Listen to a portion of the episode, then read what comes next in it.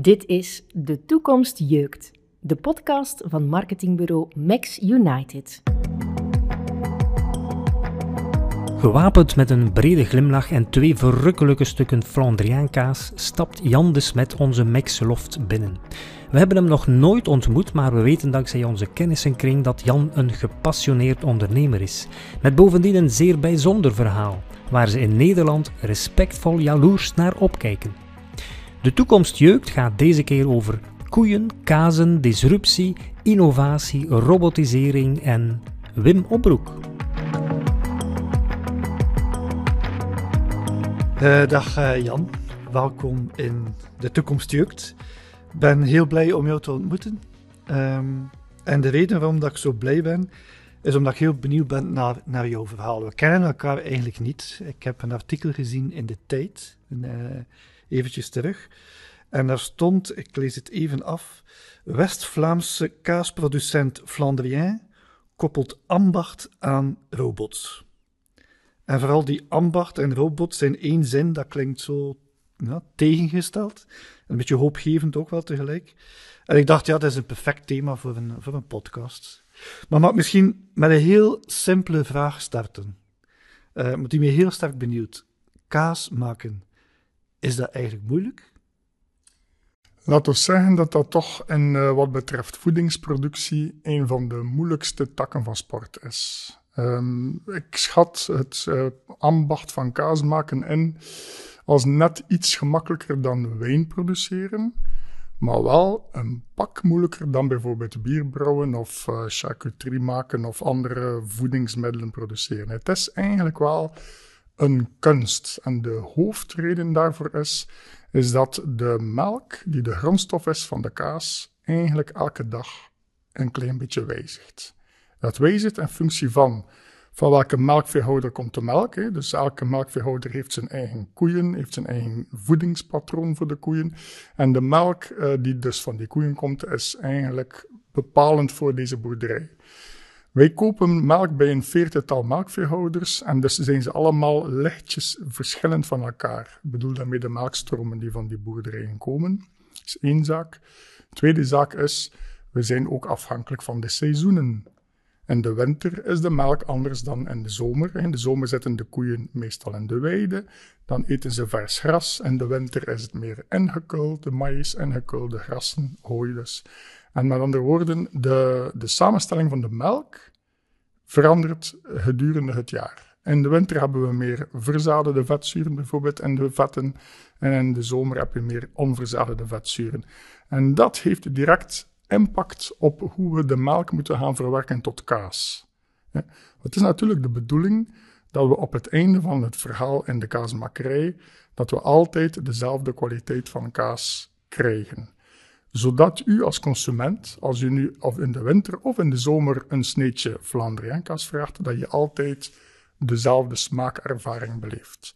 En dus moeten we in de kaasmakerij elke dag opnieuw uh, met de vrangelbereiding aan de slag gaan en ervoor zorgen dat we op het einde van het verhaal dezelfde eindkwaliteit bereiken. En dus moeten we gaan bijsturen tijdens het proces. Vandaar dat wij ook durven stellen dat wij een ambachtelijke kaasmakerij zijn. Onze kaasmakers werken effectief in de kaasmakerij op het terrein en gaan aan de slag met die vrongel, gaan processen gaan versnellen of gaan vertragen, gaan met procestemperaturen gaan spelen, altijd om diezelfde eindkwaliteit te behalen.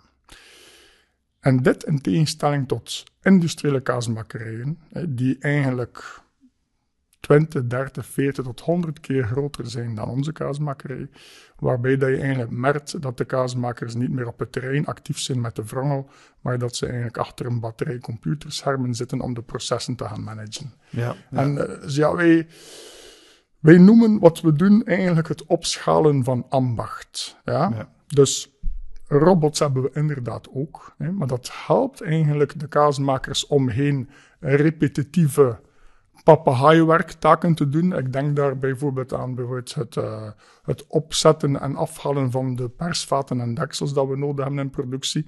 Uh, dat hebben we eigenlijk allemaal geautomatiseerd. Zodanig mhm. dat de kaasmakers kunnen bezig zijn met het ambacht van het kaas maken. Uh, en niet zozeer met repetitieve taken zoals, zoals die persvaten en deksels op een band zetten en er weer afhalen. Ja, ja. Maar dus die ambacht mag ik niet zo vertalen van, ik zou dat eigenlijk in mijn achtertuin ook eens een kaasje kunnen gaan maken.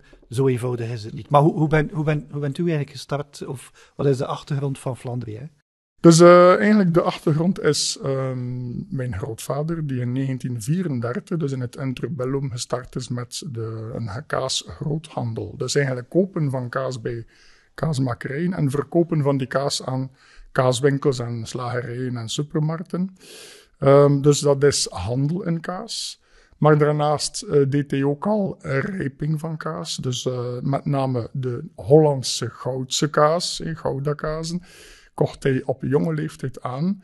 En van in het begin heeft hij eigenlijk al zelf voor de rijping van die kazen ingestaan. Dus het, uh, het rijpen, het opleggen noemen wij dat, van kaas, ehm, dat zit al langer in de familie, laten we zeggen. Mijn vader heeft dan in de jaren 70 de zaak van zijn vader overgenomen en heeft dan de groothandel eigenlijk sterk uitgebouwd. Uh, de groothandel had de naam Triporteur. En Triporteur had eigenlijk klanten tot uh, over de Kennedy-tunnel net, uh, tot en met Brussel en mm -hmm. tot en met Charleroi. Dus we waren een geen nationale distributeur van kazen, maar een, een, regionale distributeur. Waarbij dat we dan uh, op het einde van de kaasgroothandelperiode, dat ik nog meegemaakt heb trouwens, uh, hadden wij een, uh, een bijna 800-tal soorten kaas op voorraad. En konden wij eigenlijk de dag nadat de klanten bestelden, de kazen uitleveren tot bij de winkelier. Mm -hmm. Nu, um, hoe zijn we dan bij een kaasmakerij terechtgekomen? Uh, dat is eigenlijk een beetje het gevolg van een wijzigend uh, distributielandschap. Dus uh, wat hebben we gezien vanaf de jaren 70, 80 en zeker de jaren 90? Dat is de opkomst van de retail. Hè. Dus denk aan Carrefour, Deleuze, Colruyt en dan ook later nog Aldi en Lidl en bijvoorbeeld. Nu, die retailers die kopen hun kazen rechtstreeks bij de producenten aan. Dus de markt waarin dat triporteur actief was, die kromp eigenlijk ieder jaar met x aantal procent. En het ene jaar was dat maar 2 procent, en het andere jaar was dat 7 procent. Maar dat ging vrij hard achteruit. Uh, totdat we eigenlijk op een zeker moment uh, bedacht hadden, wij als jonge overnemers van de derde generatie. U weet hoe dat, dat gaat met de derde generatie ondernemers, dat loopt soms fout af. Een gevestigde waarde als triporteur, ooit de supersnelle logistieke partner van de winkelier, zag met de toekomst van grote retailers zijn businessmodel smelten als sneeuw voor de zon. Bestaat daar niet een toepasselijk spreekwoord voor? Zich de kaas van het brood laten eten? Zover liet Jan de Smet het niet komen. Als telg van de derde generatie nam hij een belangrijke beslissing. Uh, maar dus inderdaad, uh, ook wij hebben gemerkt dat een, geen enkel bedrijf 100 jaar hetzelfde kan doen, bij wijze van spreken. Uh, en dat we ons moesten aanpassen aan dat wijzigend distributielandschap. Dat hebben we eigenlijk bedacht van, kijk, wij moeten opschuiven in de keten, we moeten achterwaarts gaan integreren, we moeten zelf kaas gaan produceren. Want zowel aan de vraagzijde, zijnde de retail, was er een concentratie aan de hang. Maar ook aan de aanbodzijde zagen wij met name vooral in Nederland dat de ene kaasmakerij achter de andere fusioneerde of overgenomen werd, waardoor dat we eigenlijk als een middelgrote kaasgrossier in België geen echte sterke positie meer hadden. Mm Vandaar in 2009 uh, hebben we beslist van kijk, we gaan een strategische ommezwaai doen. We gaan um, zelf investeren in een kaasmakerij. Gelukkig uh, had mijn pa op, het, uh, op de industriezone in Wervik, waar hij de kaasgroothandel gebouwd had in het jaar 80, had hij daarnaast nog een weide, een stuk dat hij kon uitbreiden. Um, die weide hebben we ingenomen, hebben een nagelnieuwe moderne kaasmakerij gebouwd. Uh, dat was in de jaren 2011, 2012. En dan zijn wij eigenlijk in 2013 van start gegaan in de kaasmakerij. Hebben we een gat gemaakt, letterlijk in de muur tussen de kaasmakerij en de rijpingszaal die we toen ook al hadden uh, op de site. Waardoor dat we de zelf geproduceerde kazen konden verder afrepen in onze rijpingszaal. In plaats van uh, Hollandse houden aan te kopen. En, maar dit is echt nog maar acht jaar geleden dat je, die, dat je producent uh, geworden bent. Klopt. Dat moet een gigantische stap zijn om vanuit een groothandelsfilosofie en aanpak plotseling aan die productiezijde te staan. Dat is dat vlot verlopen? Dat is een hele aanpassing geweest, maar wel een hele toffe aanpassing, omdat je in een hele nieuwe dynamiek terechtkomt natuurlijk. Je moet uh, heel dat ambacht van kaas maken onder de knie krijgen. Ik ben daar ook voor een opleiding gaan volgen in Nederland natuurlijk. Ja. Um, waarbij ik dan ook met goede punten afgestudeerd ben trouwens. Um, en daarnaast heb ik ook slimmere mensen dan mezelf uh, in het bedrijf aangetrokken. Uh, allereerst een zuiveltechnoloog bio-ingenieur met ervaring in zuivel- en kaasproductie. Anderzijds heb ik ook een Nederlandse kaasmaker uh, overtuigd om naar België te komen. En die werkt nog altijd bij ons trouwens, dus sinds de opstart woont hij in Dadizeel, niet ver van uh, ja. Wervik. Ook een... En, uh, serieuze switch voor die man? serieuze switch, inderdaad. En laten we ook eerlijk zijn, een, een gewaagde zet van ons, maar ook van die Nederlander bijvoorbeeld. Ja. Want de kans dat het niet ging lukken was ook wel reëel, want uh, wij hadden dus nul, initieel nul ervaring in kaas maken. Hè. We hebben dat allemaal moeten uh, zelf bedenken, hoe dat we dat gingen uh, op poten zetten. Nu, we hebben uiteraard wel wat hulp gevraagd links en rechts om, de juiste beslissingen te nemen. Maar dat is eigenlijk wonderbaarlijk goed gelukt. Ja, ja. Het is eigenlijk wel opvallend. We spreken heel vaak van disruptie, alsof dat, dat iets is van deze tijd. Maar als je het verhaal van Flandrien vertelt, dan zie je dat dat eigenlijk iets is van, uh, van alle tijden. En vandaar zou die dus van groothandel, die je nog altijd bent natuurlijk, ook uh, producent uh, Wel, even aanvullen. Um, in begin 2017 hebben we de groothandel dan uiteindelijk verkocht. Oké. Ja, dus dat doen we niet meer, omdat het werd een beetje te complex. De ene dag zat ik bij een melkveehouder uh, de stal te bekijken en de koeien en de melk die ervan komen. Maar dezelfde dag moesten we ook uh, de kleinste camembert tot in, uh, tot in Charleroi krijgen, bij wijze van spreken. het, het werd gewoon veel te breed. En um, de groei die de kaasmakkerij dus sinds 2013 um, meegemaakt heeft, zorgde er ook voor dat we meer en meer tijd en energie in de kaasproductie en de vermarkting natuurlijk ook van onze kaas moesten steken. Waardoor dat we eigenlijk de, de, de, de, mentale weerbaarheid of energie ook niet meer hadden om die kaasgroothandel nog verder uit te bouwen. En die kaasgroothandel opereerde ook in een krimpende markt, zoals ik al gezegd ja. had. Maar ik zie, ik zie bij heel wat bedrijven eh, diezelfde evolutie, maar dan de stap zetten om te stoppen met iets wat al jarenlang een belangrijke activiteit was. Uh, wordt heel vaak heel lang uitgesteld. Het is heel moeilijk om dat te doen. Ging dat bij u zo vlot zoals u het nu vertelt? Of, of was dat ook wel uh, met heel veel uh, tegenstand? Laten we zeggen dat het een verhaal van voortschrijdend inzicht was. Um, in de beginnen hadden we de kaasmakerij op poten gezet om de groothandel eigenlijk te ondersteunen met een uniek product. En dat was de bedoeling dat we dat ook gingen verder uh, op die manier ontwikkelen. Maar de verkoop van uh, groeide desdanig dat we eigenlijk ook vraag kregen van andere streken en regio's waar dus dat reporteur niet kwam, waardoor dat we eigenlijk vrij snel conculega grossiers aangesproken hebben om onze Flandrienkaas te verdelen en uh, bijvoorbeeld uh, Luxemburg, Limburg, Namur. Um, waardoor dat we eigenlijk ja, op, de, op dat moment kwam, werden, die collega's dan ook weer concurrenten van onze eigen mm kaasgroothandel in onze eigen regio's. En uh, dus het was een beetje henken op twee benen. Ja, ja. Um, en de beslissing om dan uiteindelijk te stoppen met de groothandel, dat was geen gemakkelijke natuurlijk, want uh, je staat uh, een stukje familiegeschiedenis af. Je, je, neemt ook afscheid van een, van een aantal werknemers die al sommige decennia lang bij, de, bij reporteur actief waren. niet makkelijk. Zeker niet eenvoudig.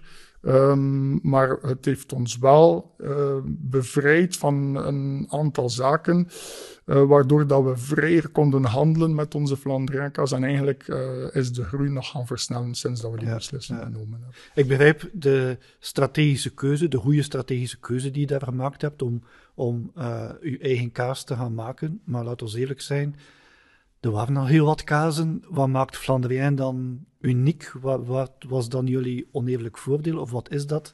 Iets wat jullie echt uniek maakt met jullie kaas?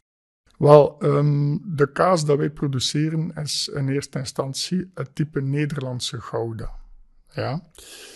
Dat is de kaas die in België meest gegeten wordt. Dus dat is al een eh, groot deel van de markt.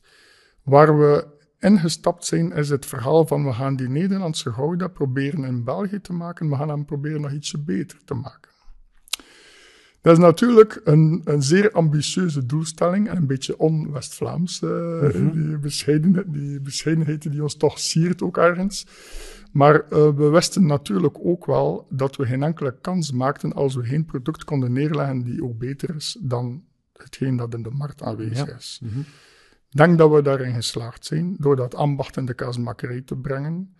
Uh, we hebben dat ook kunnen objectiveren omdat we vanaf de eerste deelname aan de World Cheese Awards, die een gerenommeerde jurering is van alle mogelijke kazen in de wereld, hebben we eigenlijk vanaf de eerste jaar hebben we de hoofdprijs binnengehaald in onze categorie Gouda-kaas. Oh, okay. Dus voor de Nederlanders. Dat ja. was wel een, een redelijke ja. shock, laten we zeggen, uh, voor onze Noorderburen.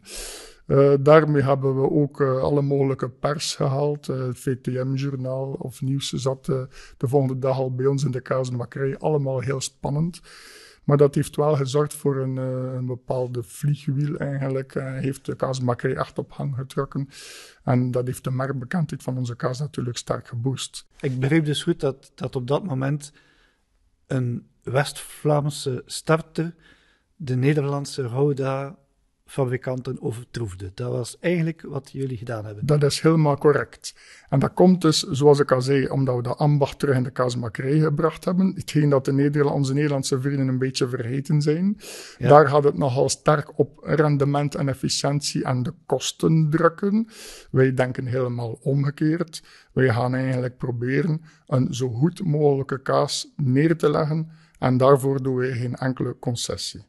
Je kan in productie een aantal dingen gaan forceren, waardoor dat je inderdaad meer kilo's kaas uit een paar liter melk krijgt. Dat gaan wij nooit doen. We gaan doen wat nodig is om die goede kaas neer te leggen. Een kleine startende West-Vlaamse kaasmaker overtroeft alle grote Nederlandse concurrenten met zijn Gouda-kaas. Met zo'n troef kan en moet je uitpakken natuurlijk. Maar wacht eens even, hoe kan dat eigenlijk? Ambacht, betere kwaliteit, dat klinkt goed, maar onze noorderburen zijn niet van gisteren. Zij kunnen ook wel rekenen. Waar zit het verdienmodel dan van Flandrien kaas? Of is Jan de Smet tevreden met een heel kleine winstmarge? Maar dan denk ik, die kaas zal ook meer kosten dan de kaas van de concurrentie. Dat is ook zo. Is dat een gevoelige meerprijs die jullie dan... Dat is een gevoelige meerprijs. Zeker als je het vergelijkt met de goedkoopste kazen in het schap. Dan moet je rekenen op, uh, ik denk, 7, 8 euro per kilo. 6, mm -hmm. 7, 8 euro per kilo. Uh, wij liggen aan het dubbele bijna uh, okay. in het schap. Ja. Maar dat maakt eigenlijk niet uit, want wij zijn geen volumeproducent. Wij zijn een, uh, een, een premium kaasproducent die een genietkaas wil aan de markt zetten. En wij Vlamingen zijn nu nog eenmaal boerhandels natuurlijk. En de, de Vlaming is bereid om iets meer te betalen, maar dan moet hij ook iets krijgen die echt beter is. Ja. Ik wil er nog één ding aan toevoegen waarom dat we succesvol kunnen zijn. Dus dat is die trend naar meer lokale producten. Hè. Uh, ook met de COVID-crisis is dat weer al gebleken. Klopt. De korte ketenproducenten uh, die hebben de wind in, uh, in de zeilen. Dus um, dat, dat heeft ons zeker ook geen wind tegengelegd. Ja. Een van de andere zaken die we nu toch heel hard horen, is dat vrijwel elke ondernemer smeekt naar personeel. Um, duizenden vacatures raken niet ingevuld. Um, jullie koppelen die ambacht aan die robots, maar is dat ook de toekomst, denkt u, voor andere sectoren om meer te gaan robotiseren, om op die manier een antwoord te kunnen formuleren op het tekort aan uh, arbeidskrachten? Je ziet het in elke sector, oh, zeker in de voedingssector, maar in, in, alle, in alle sectoren. Um, wij zijn ook aan het kijken om een nieuwe robot te plaatsen trouwens. Eh, ja, opschalen van ambacht. Maar dat is ook om weer zo'n papegaaienwerk uh, uh, eigenlijk te gaan automatiseren. Omdat het ergonomisch ook heel moeilijk is voor de mensen eigenlijk. En dat is eigenlijk het leegmaken van de pekelkooien. dus een pekelkooi moet gelost worden, 80 kazen van 18 kilo moet uit het pekelkooi gehaald worden en op kaasrijpingsboxen gelegd worden. Dat gebeurt nog manueel. Dat, dat zijn 30 zo'n kooien per week, dus 30 mal 80 mal 18 kilo. Dat begint een serieus volume te worden. Uh, dus uh, laten we zeggen, we hebben daarvoor mensen en om het anderhalf uur moeten we twee nieuwe mensen uh, inschakelen, omdat het anders te zwaar wordt. Wel, om zo'n taken, als je zo'n taken kan automatiseren, dat zijn taken die de eindkwaliteit van je kaas niet negatief beïnvloeden, uiteraard, dan moet je die kans grijpen, natuurlijk. Um, dus we gaan nu eigenlijk heel binnenkort de bestelling plaatsen. Uh, maar het grote probleem is nu, we hebben geen robots genoeg meer in Europa. Dus het type robot dat wij willen, het zal 8 à 10 maanden duren tegen dat het bij ons is. Dus laten we zeggen dat we ongeveer een jaar, binnen hier en een jaar gaan we de automatisatie kunnen doorvoeren. Okay, en dat is echt wel een probleem geworden. Want ik sprak met, uh, met onze toeleverancier en hij zegt, ja, dat is onvoorstelbaar. We krijgen zelfs geen leveringstermijnen meer op papier. Uh, dus uh, ik denk dat de vraag vanuit de industrie naar automatisatie zeker fors gestegen is. Natuurlijk moet je er ook bij vertellen dat uh, de aanvoerketen sinds de heropleving van de economie na COVID uh, een beetje strubbelingen vertoonde. Ja, je hoort het op alle vlakken. Ja, inderdaad.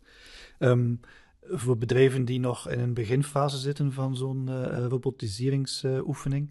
Um, ik vraag me dan af, je moet daarmee starten. Dat is een, toch een, een, een, als kaasmaker niet meteen een materie waar je heel veel ervaring hebt. Is er daar steun vanuit de overheid ook om, om daarin mee te helpen? Want ik zag een filmpje met Hilde Krivits die, die op bezoek was. Ik vroeg me af, is dat, is dat een samenwerking geweest of, of is dat ondersteuning geweest van de overheid ook om daarin bij te staan?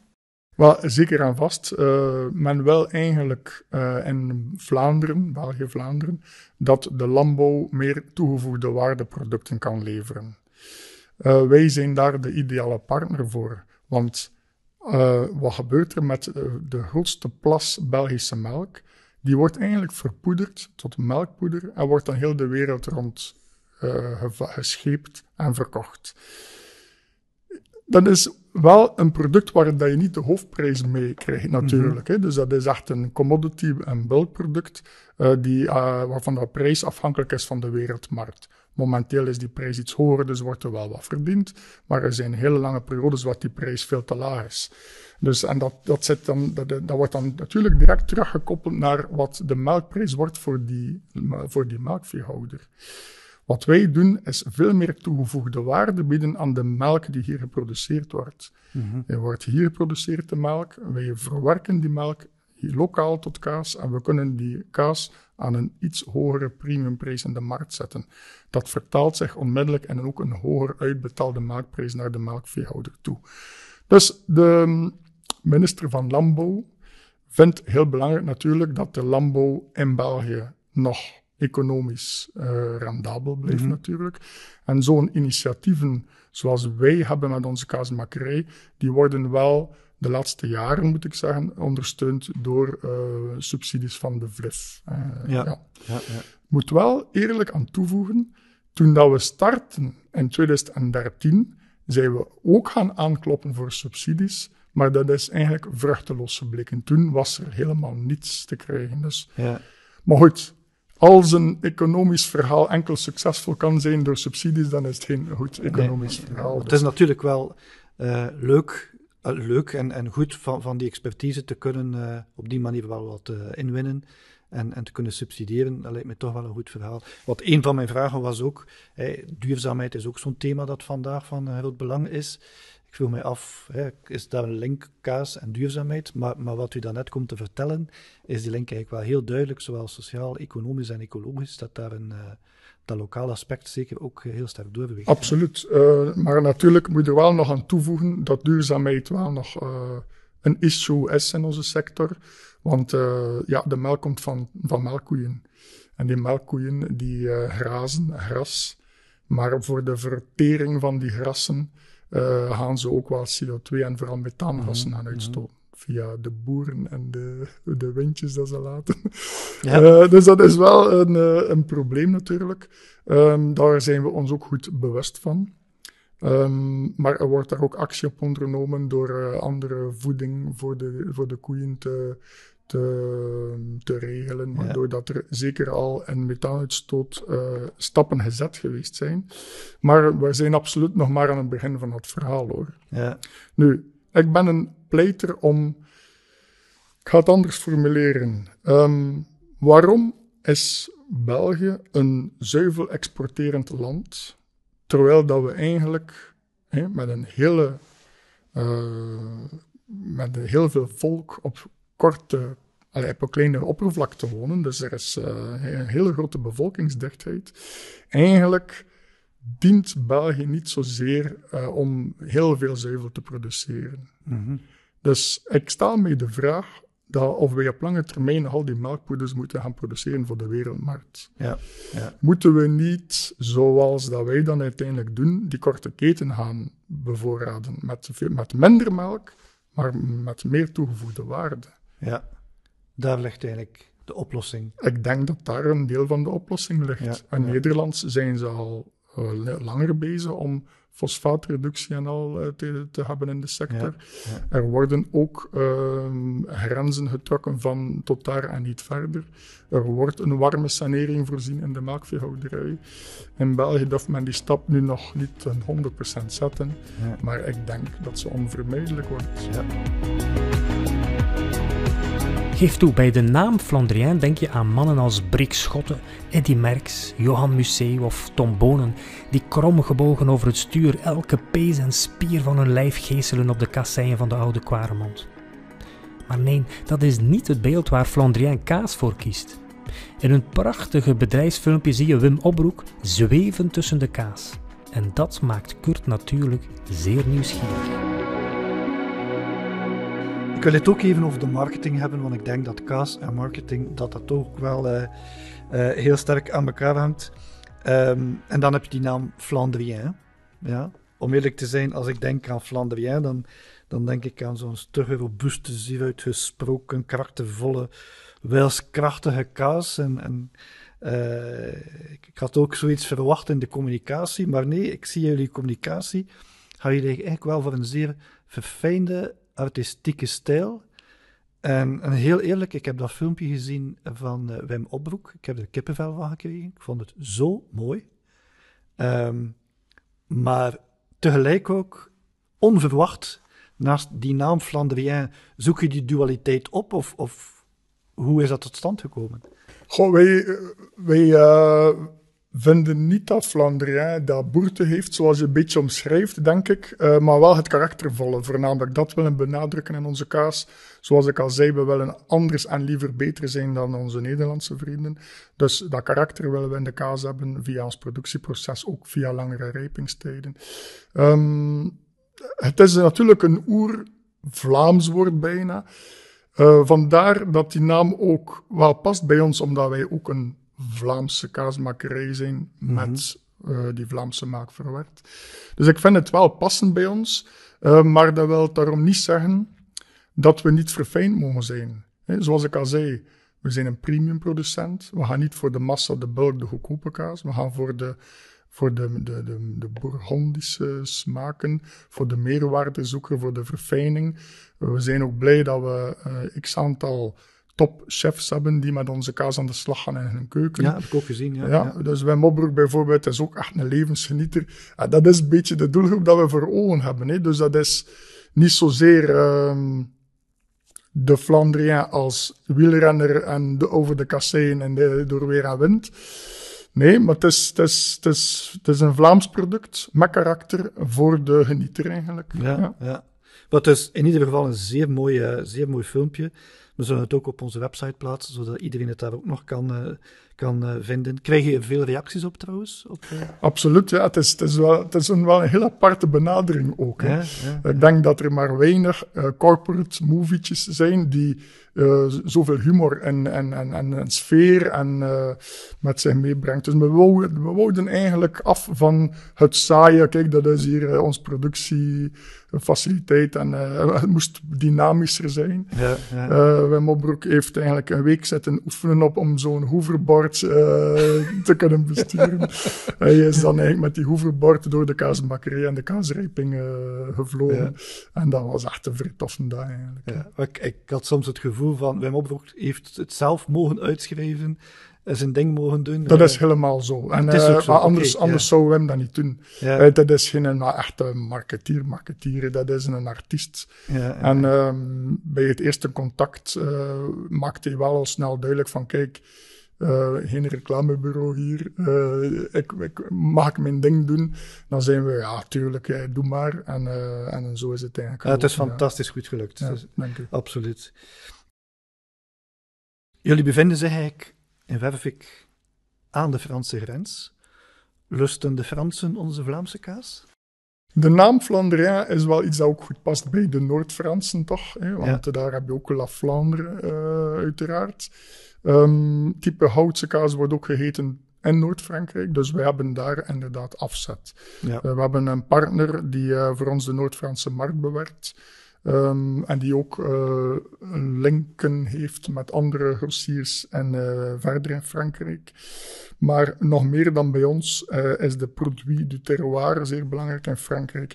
Dus iemand uit de streek van Lyon kan je geen houtse kaas geven, ja. die moet dat niet hebben. Um, eigenlijk Rond Marseille wordt ook nog wel wat goudse kaas gegeten, omdat dat ook een haven had waar dat er vroeger de Nederlandse uh, handelaars ook met hun kaas kwam. Ja, zo. Ja. Um, maar ze, ze raakten nog niet in het zijn van Frankrijk blijkbaar. Ja, ja. Uh, want daar, allee, dan heb je die producten terroir die schitterend zijn. Hè, producten uit de Jura, Savoie, uh, noem maar op. en dan rond Roquefort en zo meer. Ja, dat zijn allemaal prachtige kazen waar de Fransen terecht heel trots op mogen zijn. Dus uh, als je in de Jura uh, een, een, stukje houtse kaas wil verkopen, dan moet je al uh, echt wel. Ja. Dat is eigenlijk bijna niet realistisch, want ze hebben daar prachtige Conti-kazen die, die, die, die, ik ook zelf heerlijk vind. Dus, we hadden in onze podcast reeds enkele ondernemers uit de voedingsbranche te gast, die zelf de stap naar e-commerce hebben gezet. Met succes trouwens. Hoe kijkt Jan de Smet daar tegenaan? Wij hebben een zeer afwachtende houding daarover. Uh, we zien dat uh, klanten en retailers van ons ook met uh, webshops en afhaaldiensten aan de slag gegaan zijn. Um, we hebben niet de ambitie om direct onze klanten voorbij te steken en direct de consumenten te gaan bereiken. Ook al omdat ja, onze kaas is iets duurder dan de gewone bulkkaas. Maar aan de andere kant is het nog altijd niet uh, van die aard dat het realistisch is om een kaas op een goede manier tot in de brievenbus bij een consument te krijgen.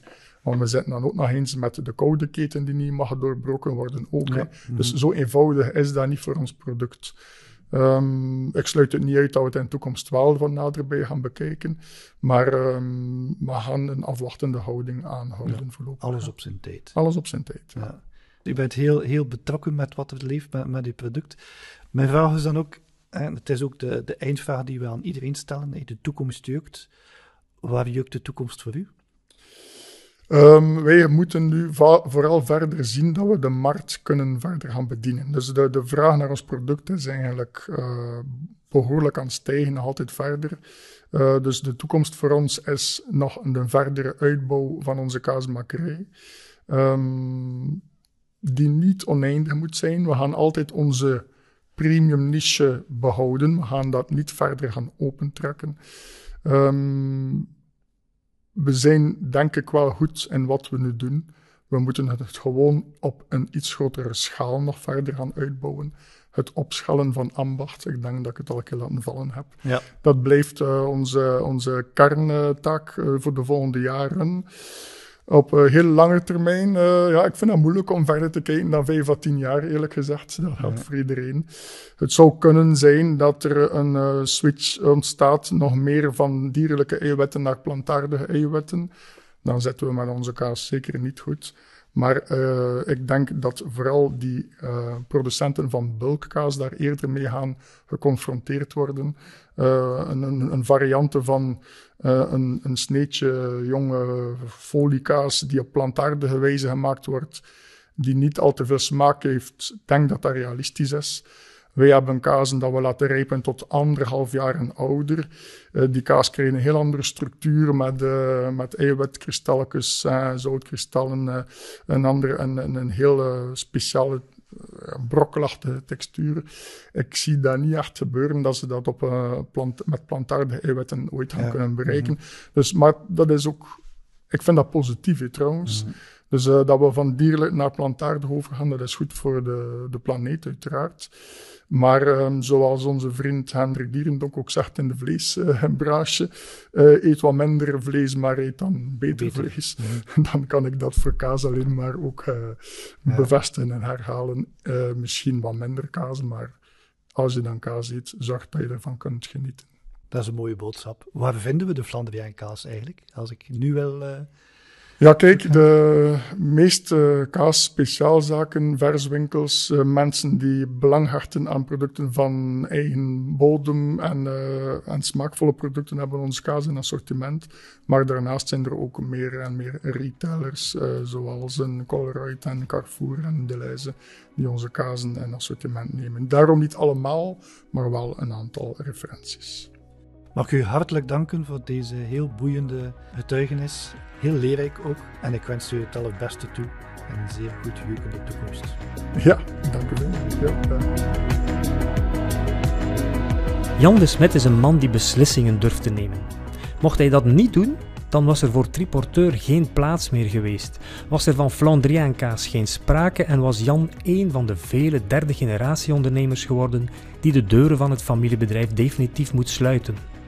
Ben jij zo'n ondernemer die wel beslissingen durft te nemen en zich zoals Jan de Smet durft omringen met mensen die op bepaalde domeinen slimmer zijn dan hemzelf? Kijk eens op maxunited.be en ontdek hoe we voor jouw uitdagingen een strategisch klankbord kunnen zijn.